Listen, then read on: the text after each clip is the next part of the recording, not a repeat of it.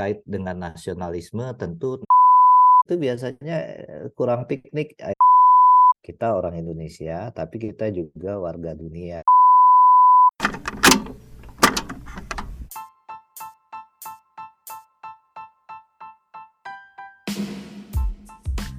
Welcome to IGNIS Podcast, connecting visions, bridging relations. Hai listeners Ikmis Podcast, kembali lagi nih bersama aku. Yap, nggak lain dan gak bukan adalah Iren yang akan menjadi host untuk episode terakhir kita di season ini, yaitu episode ketiga season 3. Gak kerasa banget ya, tiba-tiba kita udah memasuki episode terakhir kita nih di season ini, yang juga menandakan bahwa tahun 2022 udah mau berakhir. Gimana listeners tahun 2022-nya? Pasti udah banyak banget ya hal yang kalian laluin. Kalau aku sih akhir-akhir ini lagi hektik banget nih sama yang namanya UAS dan juga proker-proker lain di kampus. Nah, untuk menutup tahun 2022 dan season ketiga kali ini, kita akan ngebahas materi yang seru banget bersama dengan narasumber yang pastinya juga gak kalah seru dan keren banget nih. Jadi di episode kali ini, kita akan ngebahas tentang globalization and nationalism nih teman-teman.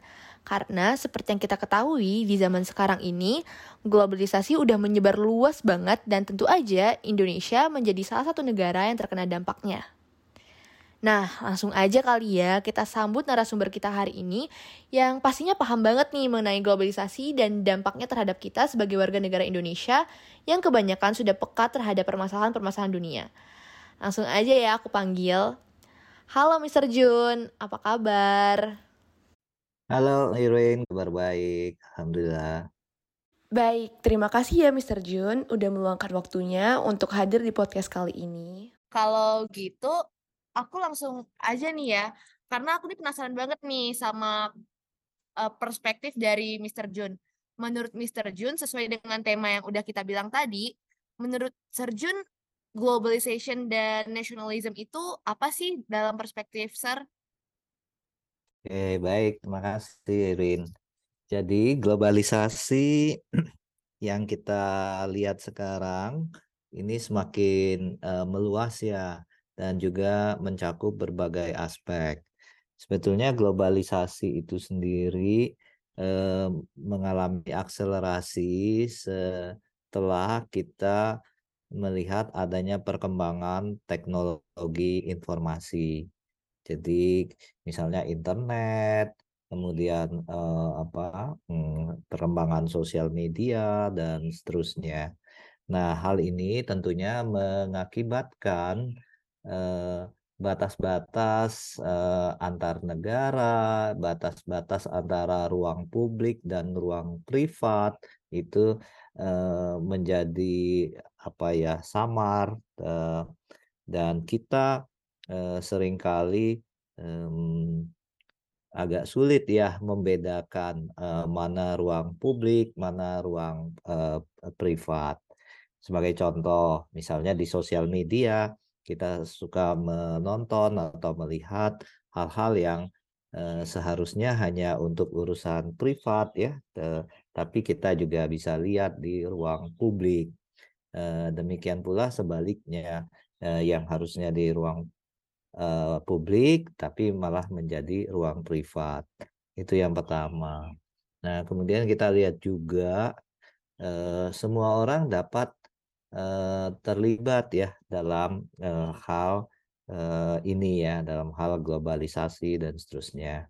Artinya uh, dapat terlibat itu artinya mereka karena pegang alatnya sendiri ya ya gadget dan punya akses ke macam-macam mereka juga dapat uh, menyampaikan uh, pemikiran mereka dan seterusnya. Nah, berbeda dengan dulu yang mungkin hanya media-media tertentu yang dapat mengemukakan pendapatnya. Nah, terkait dengan nasionalisme, tentu nasionalisme ini akan menjadi tantangan tersendiri ya Eh, nasionalisme baru dapat saja terbentuk ya dengan adanya sosial media. Nah, kita bisa lihat ya misalnya dalam contoh di Amerika dengan munculnya gerakan apa ya eh, populisme begitu ya. Nah, yang membentuk eh, apa bentuk nasionalisme tertentu ya, misalnya di Amerika pada masa pemerintahan uh, Presiden Trump, kita lihat ada versi Amerika yang ditawarkan di situ. Nah, tentu uh, hal ini juga apa uh, menjadi dampak dari uh, globalisasi itu sendiri. Jadi dengan kata lain kita lihat ya ada hubungan antara globalisasi dan nasionalisme itu sendiri. Gitu, Irin. Oke, terima kasih banget, Sar, atas perspektifnya. Nah, aku setuju banget nih, listener, sama yang dikasih tahu sama Serjun bahwa benar banget di dunia ini tuh udah banyak banget aspek yang berubah dan sekarang itu kita mudah banget untuk menyampaikan pendapat secara bebas di sosial media. Dan seperti yang Serjun bilang, kalau misalnya nasionalisme itu juga bisa menjadi tantangan tersendiri nih bagi kita karena mungkin nantinya nasionalisme baru itu akan terbentuk karena dampak globalisasi ini yang salah satu contohnya ialah karena maraknya penyebaran informasi di internet. Nah, aku penasaran nih, Sir. Menurut Sir, hal ini tuh merupakan suatu dampak yang baik atau buruk sih? Ya, globalisasi itu kan seperti pisau ya, dua mata uh, pisau ya, bisa positif, bisa negatif. Uh, positif artinya kita bisa melihat adanya demokratisasi ya. Jadi kebebasan uh, berpikir, berpendapat begitu ya. Uh, itu dapat disampaikan tanpa kita uh, khawatir uh, apa uh, disensor dan seterusnya.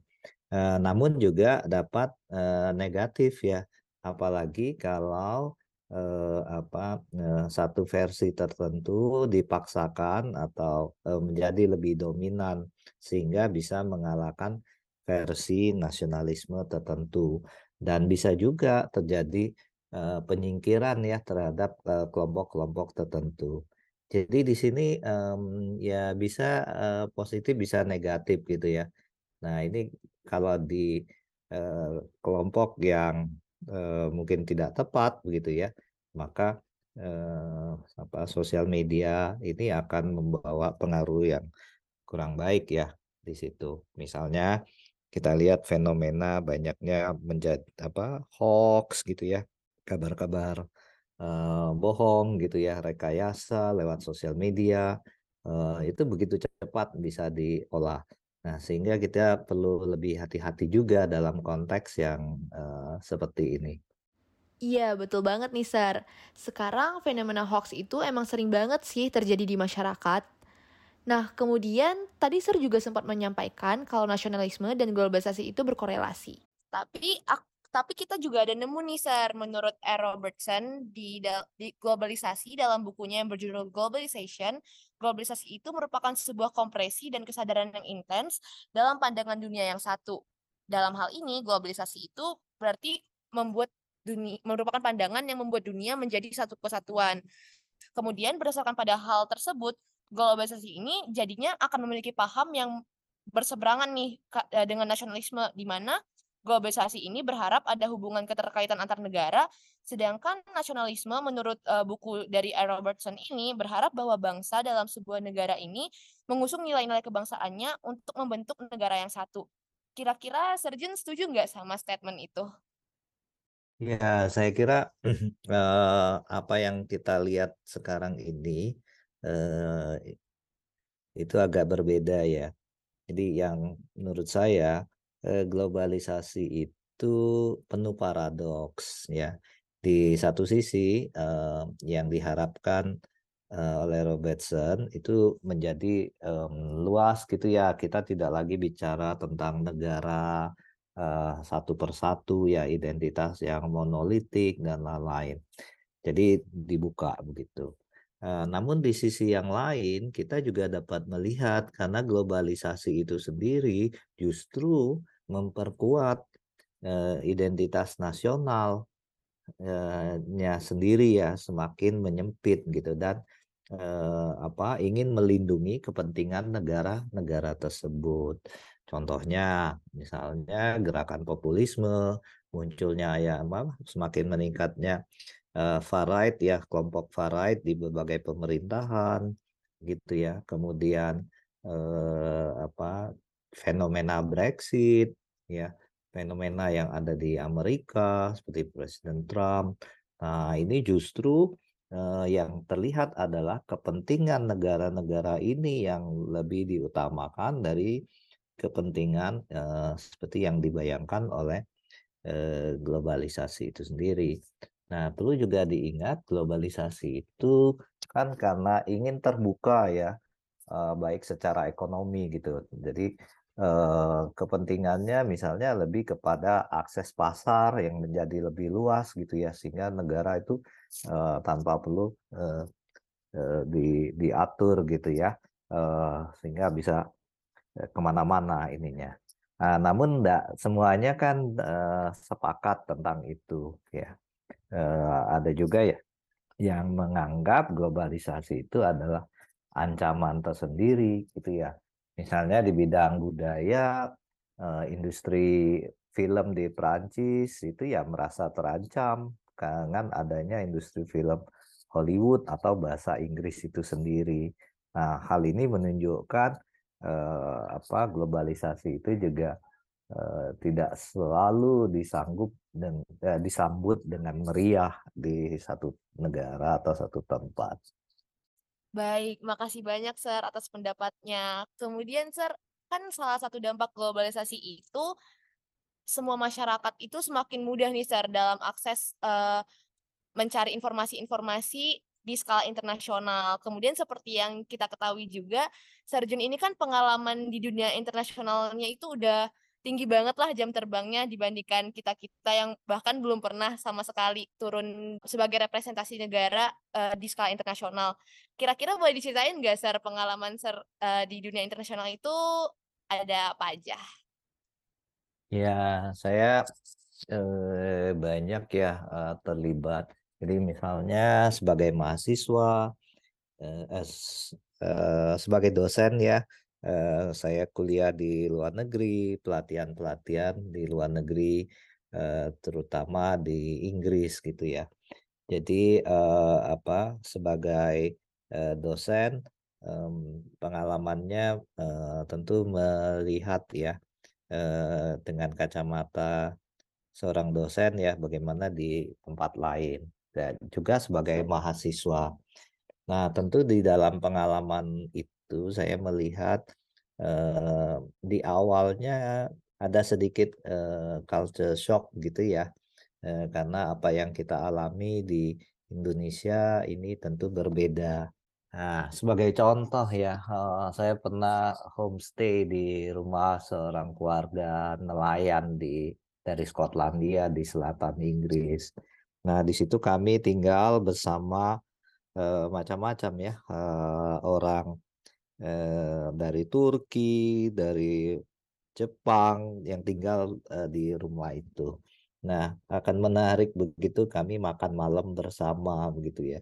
Nah, keluarga ini eh, menyediakan makan terus pakai apa ya eh, sendok garpunya itu banyak gitu ya uh, fork and spoonnya.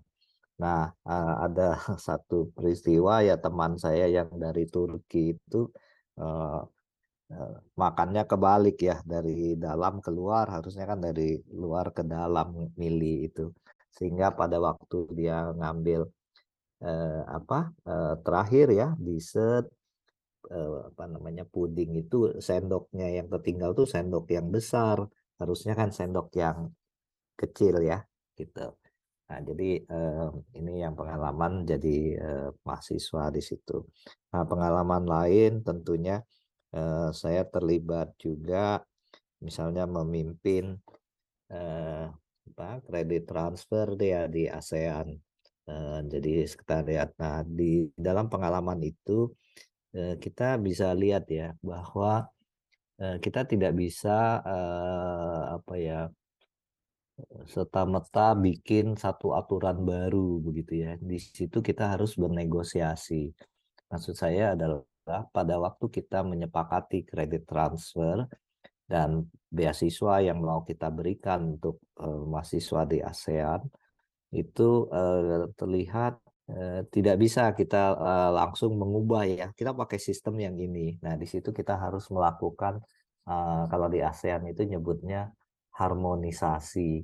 Jadi kita tidak mengubah uh, sistem yang ada di masing-masing uh, sistem pendidikan yang masing-masing ada di negara itu atau di kampus-kampus itu. Namun kita coba cari uh, common uh, objektifnya ya, tujuan bersama kita. Nah, sehingga kita bisa melakukan alih kredit dan ini. Nah, pengalaman yang lain sewaktu di Green Metric ya, kita uh, Green Metric itu adalah uh, pemeringkatan perguruan tinggi di bidang sustainability ya, yang dibuat oleh uh, UI ya. Nah, waktu itu saya buatkan network ya. Sekarang networknya ada di sekitar 1056 perguruan tinggi di 86 negara.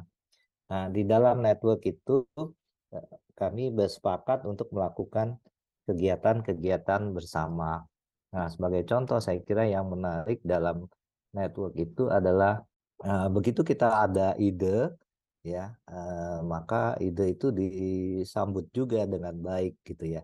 Uh, dan apa secara volunteer ya Misalnya kita buat online course tentang SDG ya uh, apa SDG itu Sustainable Development Goal itu ya. Nah itu pesertanya dari tujuh uh, universitas di tujuh negara. Nah di situ uh, profesornya, mahasiswanya itu diambil dari perguruan tinggi yang ikut di sini.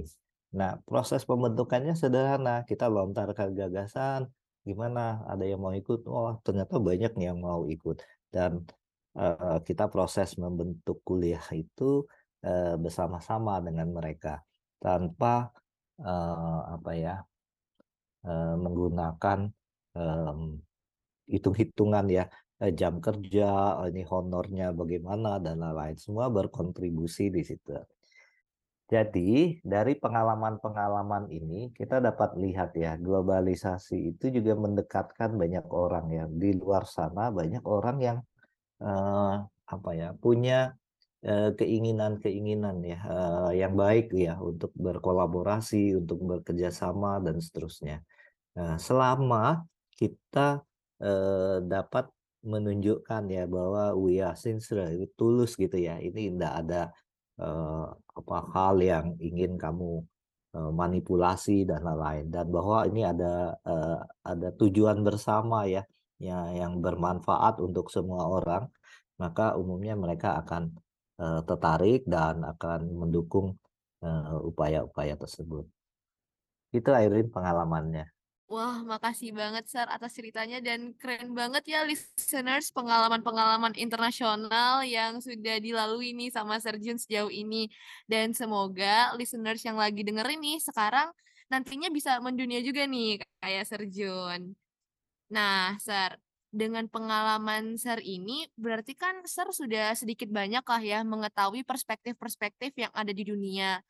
Nah, Uh, kemudian menurut Sir nih, apakah saat ini Sir itu sekarang bisa dikategorikan atau termasuklah sebagai global citizen? Ya, saya kira bolehlah disebut seperti itu ya, karena uh, apa namanya um, tidak hanya saya secara fisik ada di bumi ini ya, tetapi juga berperan aktif lewat berbagai kegiatan-kegiatan yang ada, ya kan? Misalnya tadi saya cerita tentang apa eh, kontribusi ya di ASEAN, di Green Metric yang tingkat dunia, kemudian eh, apa bikin juga ya program ISMA ya eh, kampus Merdeka dan lain-lain. Yang semuanya tujuannya untuk apa supaya banyak kegiatan-kegiatan yang dapat dimanfaatkan oleh berbagai uh, warga dunia yang lain begitu ya. Wah, keren banget ya teman-teman. Jadi buat listeners yang belum tahu, global citizen itu merupakan seorang individu yang mengedepankan identitasnya sebagai seorang warga negara dunia di atas identitas komunal. Kemudian nih, Sir, selama perjalanan Sir nih menjadi seorang global citizen dan menjadi seorang Indonesia di, di sisi lainnya, pasti terkadang uh, saat keluar negeri itu orang-orang luar itu secara tidak langsung kadang menganggap bahwa kita itu merupakan representasi negara sendiri nggak sih, Sir? Nah, itu bagaimana tuh cara Sir menanggapinya? Ya, itu tidak dapat dihindari ya. Jadi eh, kalau eh, dalam diri kita itu kan kita memiliki identitas yang eh, jamak ya. Jadi pada saat yang sama kita jadi orang Indonesia, jadi mungkin eh, apa di Indonesia sendiri kita mengasosiasikan sebagai apa eh, etnis kita eh, dari agama, dari profesi gitu ya. Kemudian di tingkat global juga kita bisa merepresentasikan apakah kita sebagai wakil negara kita atau wakil organisasi tertentu dan lain-lain. Jadi saya pikir eh, untuk menjadi global citizen itu eh, dia bukan satu identitas yang tunggal ya.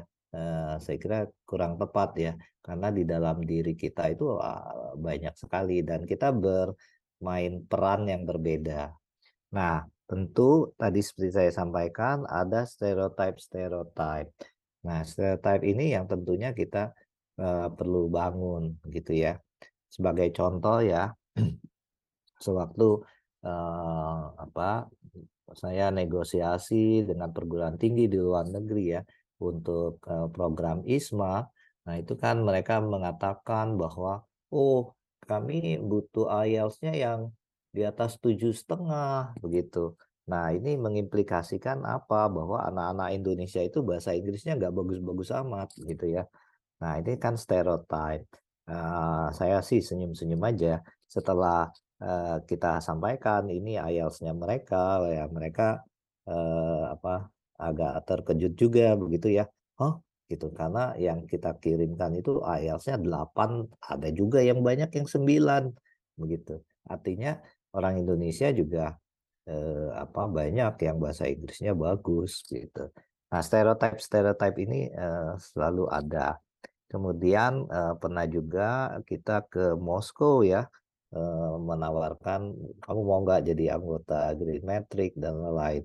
Nah, mereka melihatnya ini Indonesia, mungkin yang dibayangkan Indonesia itu negara yang nggak maju dan lain-lain ya, negara berkembang. Tapi eh, kita tawarkan konsep ini dan mereka juga eh, kagum juga gitu ya, eh, apa ngelola berapa tadi berapa puluh negara itu ya seribuan eh, perguruan tinggi. Ini kamu dananya dari mana ini? Terus gagasannya gimana?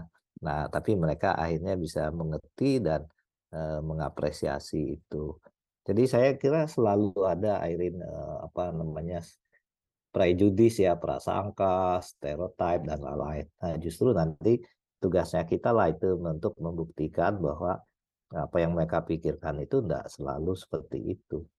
Iya sih, Sar. Aku setuju banget sama Sar kalau misalnya stereotip-stereotip orang luar terhadap Indonesia itu memang masih banyak banget dan memang tugas kita selaku warga negara Indonesia untuk membuktikan bahwa hal itu merupakan hal yang salah. Dan aku juga kagum banget tadi kayak memang benar bahwa jawaban yang paling tepat itu untuk membuktikan bahwa kita mampu itu bukan lewat perkataan belaka tapi dengan bukti seperti yang Serjun udah ceritakan tadi. Kemudian nih Sar, aku juga mau nanya selama perjalanan Sar menjadi global citizen itu uh, ada nggak sih kayak hal-hal di dunia yang yang bertentangan sama nasionalisme kita sebagai warga negara Indonesia? Ya, saya kira uh, yang perlu dipahami ya di dalam konteks globalisasi, identitas kita itu juga banyak dipengaruhi oleh yang luar. Nanti tergantung bagaimana kita menyeleksi uh, apa pengaruh-pengaruh luar itu. Jadi misalnya kalau uh, apa kamu misalnya katakanlah seperti yang apa kelompok yang pemikiran-pemikiran yang radikal dan lain-lain itu kan mereka mengambilnya dari luar gitu ya dan itu bisa lewat sosial media dan lain-lain jadi itu bisa mempengaruhi nah, tapi juga bisa juga nah yang harusnya menurut saya kita justru membawa nilai-nilai kita itu keluar ke dunia ya dan e, kalau perlu kita menunjukkan ada cara lain gitu ya e, untuk menyelesaikan e, masalah dan lain-lain. Jadi misalnya ya hmm, apa eh, misalnya di kalau di Green Metric kita itu kan tidak politik ya, eh, jadi kita berteman dengan siapa saja. Di Indonesia juga dengan eh, apa dengan eh, siapa saja ya kita eh, ini ya apalagi politik kita kan bebas aktif. Jadi itu eh, jadi kami ya bekerja sama dengan ya Rusia, Iran, Amerika ya semuanya ya eh, dengan tujuan yang yang sama gitu.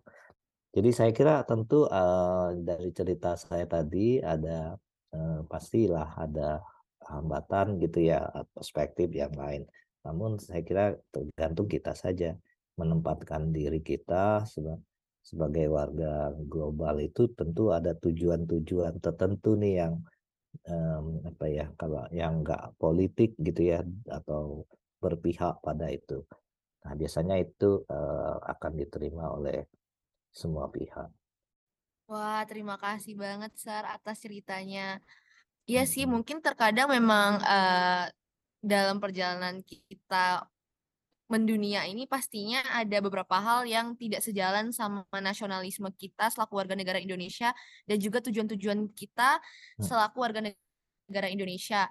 Namun aku salut banget sama yang, yang tadi Serjun ceritain bahwasannya walaupun misalnya ada hal-hal yang bertentangan atau tidak berkorelasi sama nasionalisme kita selaku warga negara Indonesia, itu kita tetap menghormati mereka dan uh, bukan menolak mereka mentah-mentah, tapi tetap menghormati mereka agar tidak ada pihak mana pun yang merasa dirugikan dan uh, mungkin tersinggung gitu. Itu Iya. menurut aku adalah langkah yang bagus, yang tepat banget sih, Sar.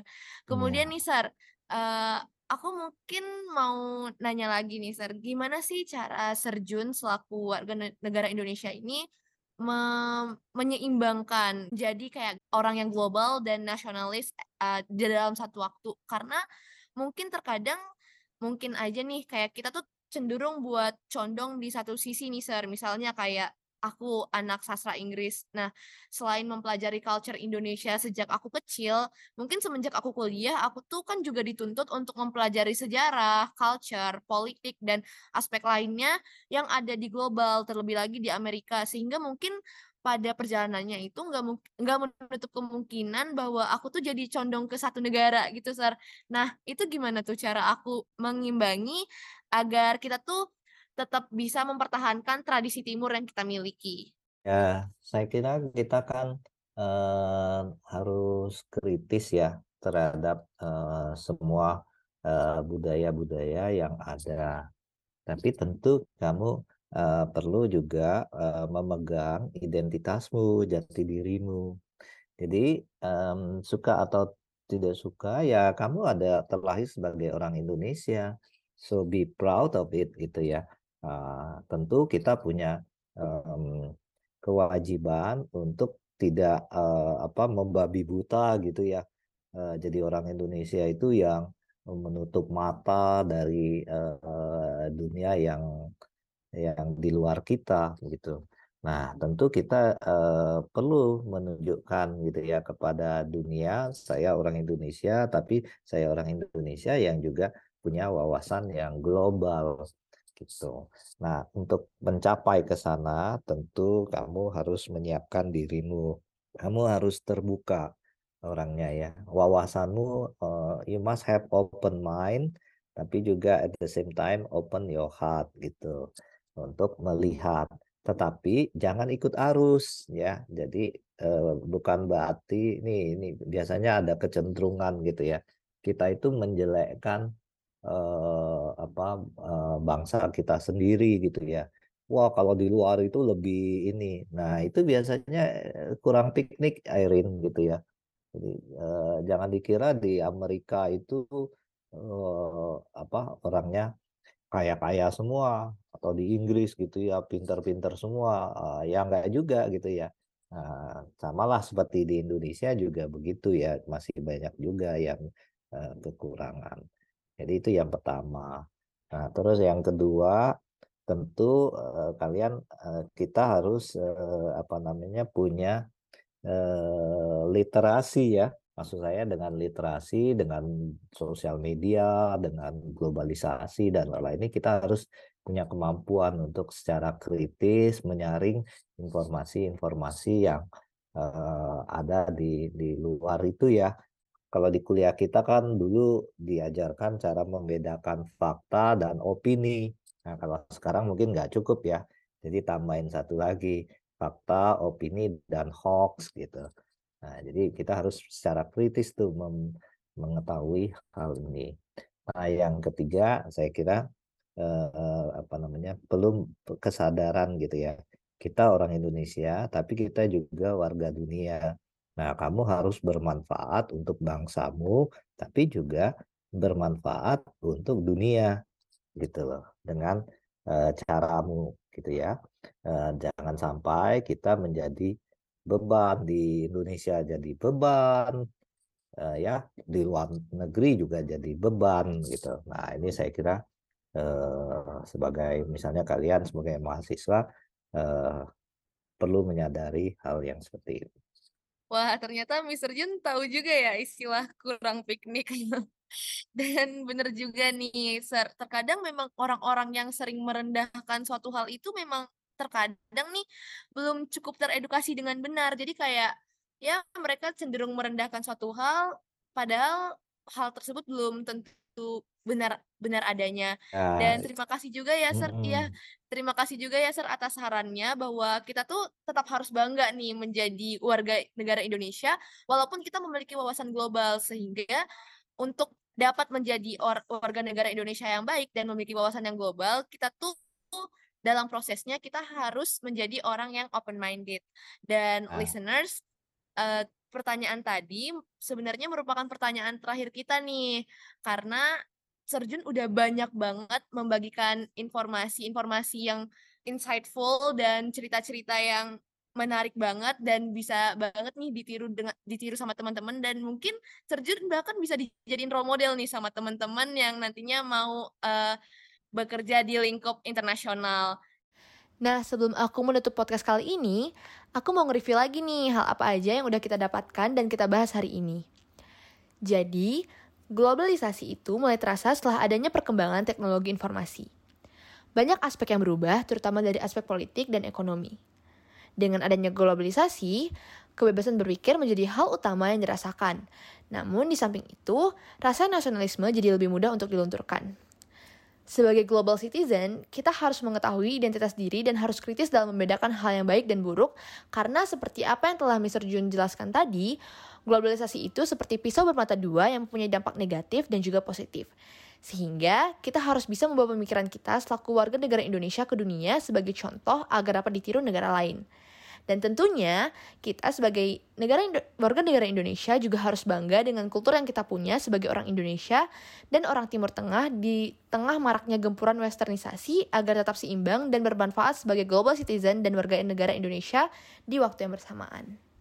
Nah, terima kasih banyak ya Serjun atas kesempatannya kali ini. Aku benar-benar berterima kasih banget karena Serjun udah menjawab pertanyaan-pertanyaan yang bahkan jawabannya itu lebih dari ekspektasi aku dan terima kasih banget atas kesempatannya hari ini ya Ser. Sama-sama Irin ya. Nah mungkin kalau misalnya ada podcast selanjutnya atau waktu luang kita mungkin bisa membahas tentang ISMA kali ya Ser karena tadi kan Ser ada nyinggung dikit nih tentang ISMA dan mungkin infonya itu masih minim banget nih di sastra Inggris. Mungkin nanti kita bisa cerita-cerita lagi kali ya, Sir, di kesempatan selanjutnya. Boleh, boleh, boleh. Oke, Sir. Terima kasih banyak ya atas kesempatannya. Semoga hari-hari setelah ini berjalan dengan lancar dan menyenangkan. Thank you so much, Sir. Amin. Terima kasih, Erin. Terima kasih juga listeners yang sudah mendengarkan podcast kita hari ini.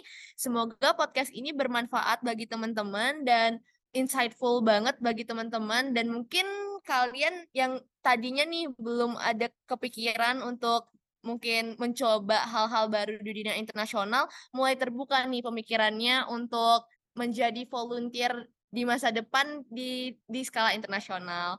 Oke, okay, terima kasih ya listeners IKMI dan sampai jumpa di season selanjutnya karena seperti yang udah kita bilang tadi, podcast ini merupakan episode terakhir di season ini. Thank you so much guys. Bye. Hai, terima kasih ya sudah mendengarkan Ikmis Podcast. See you on the next episode.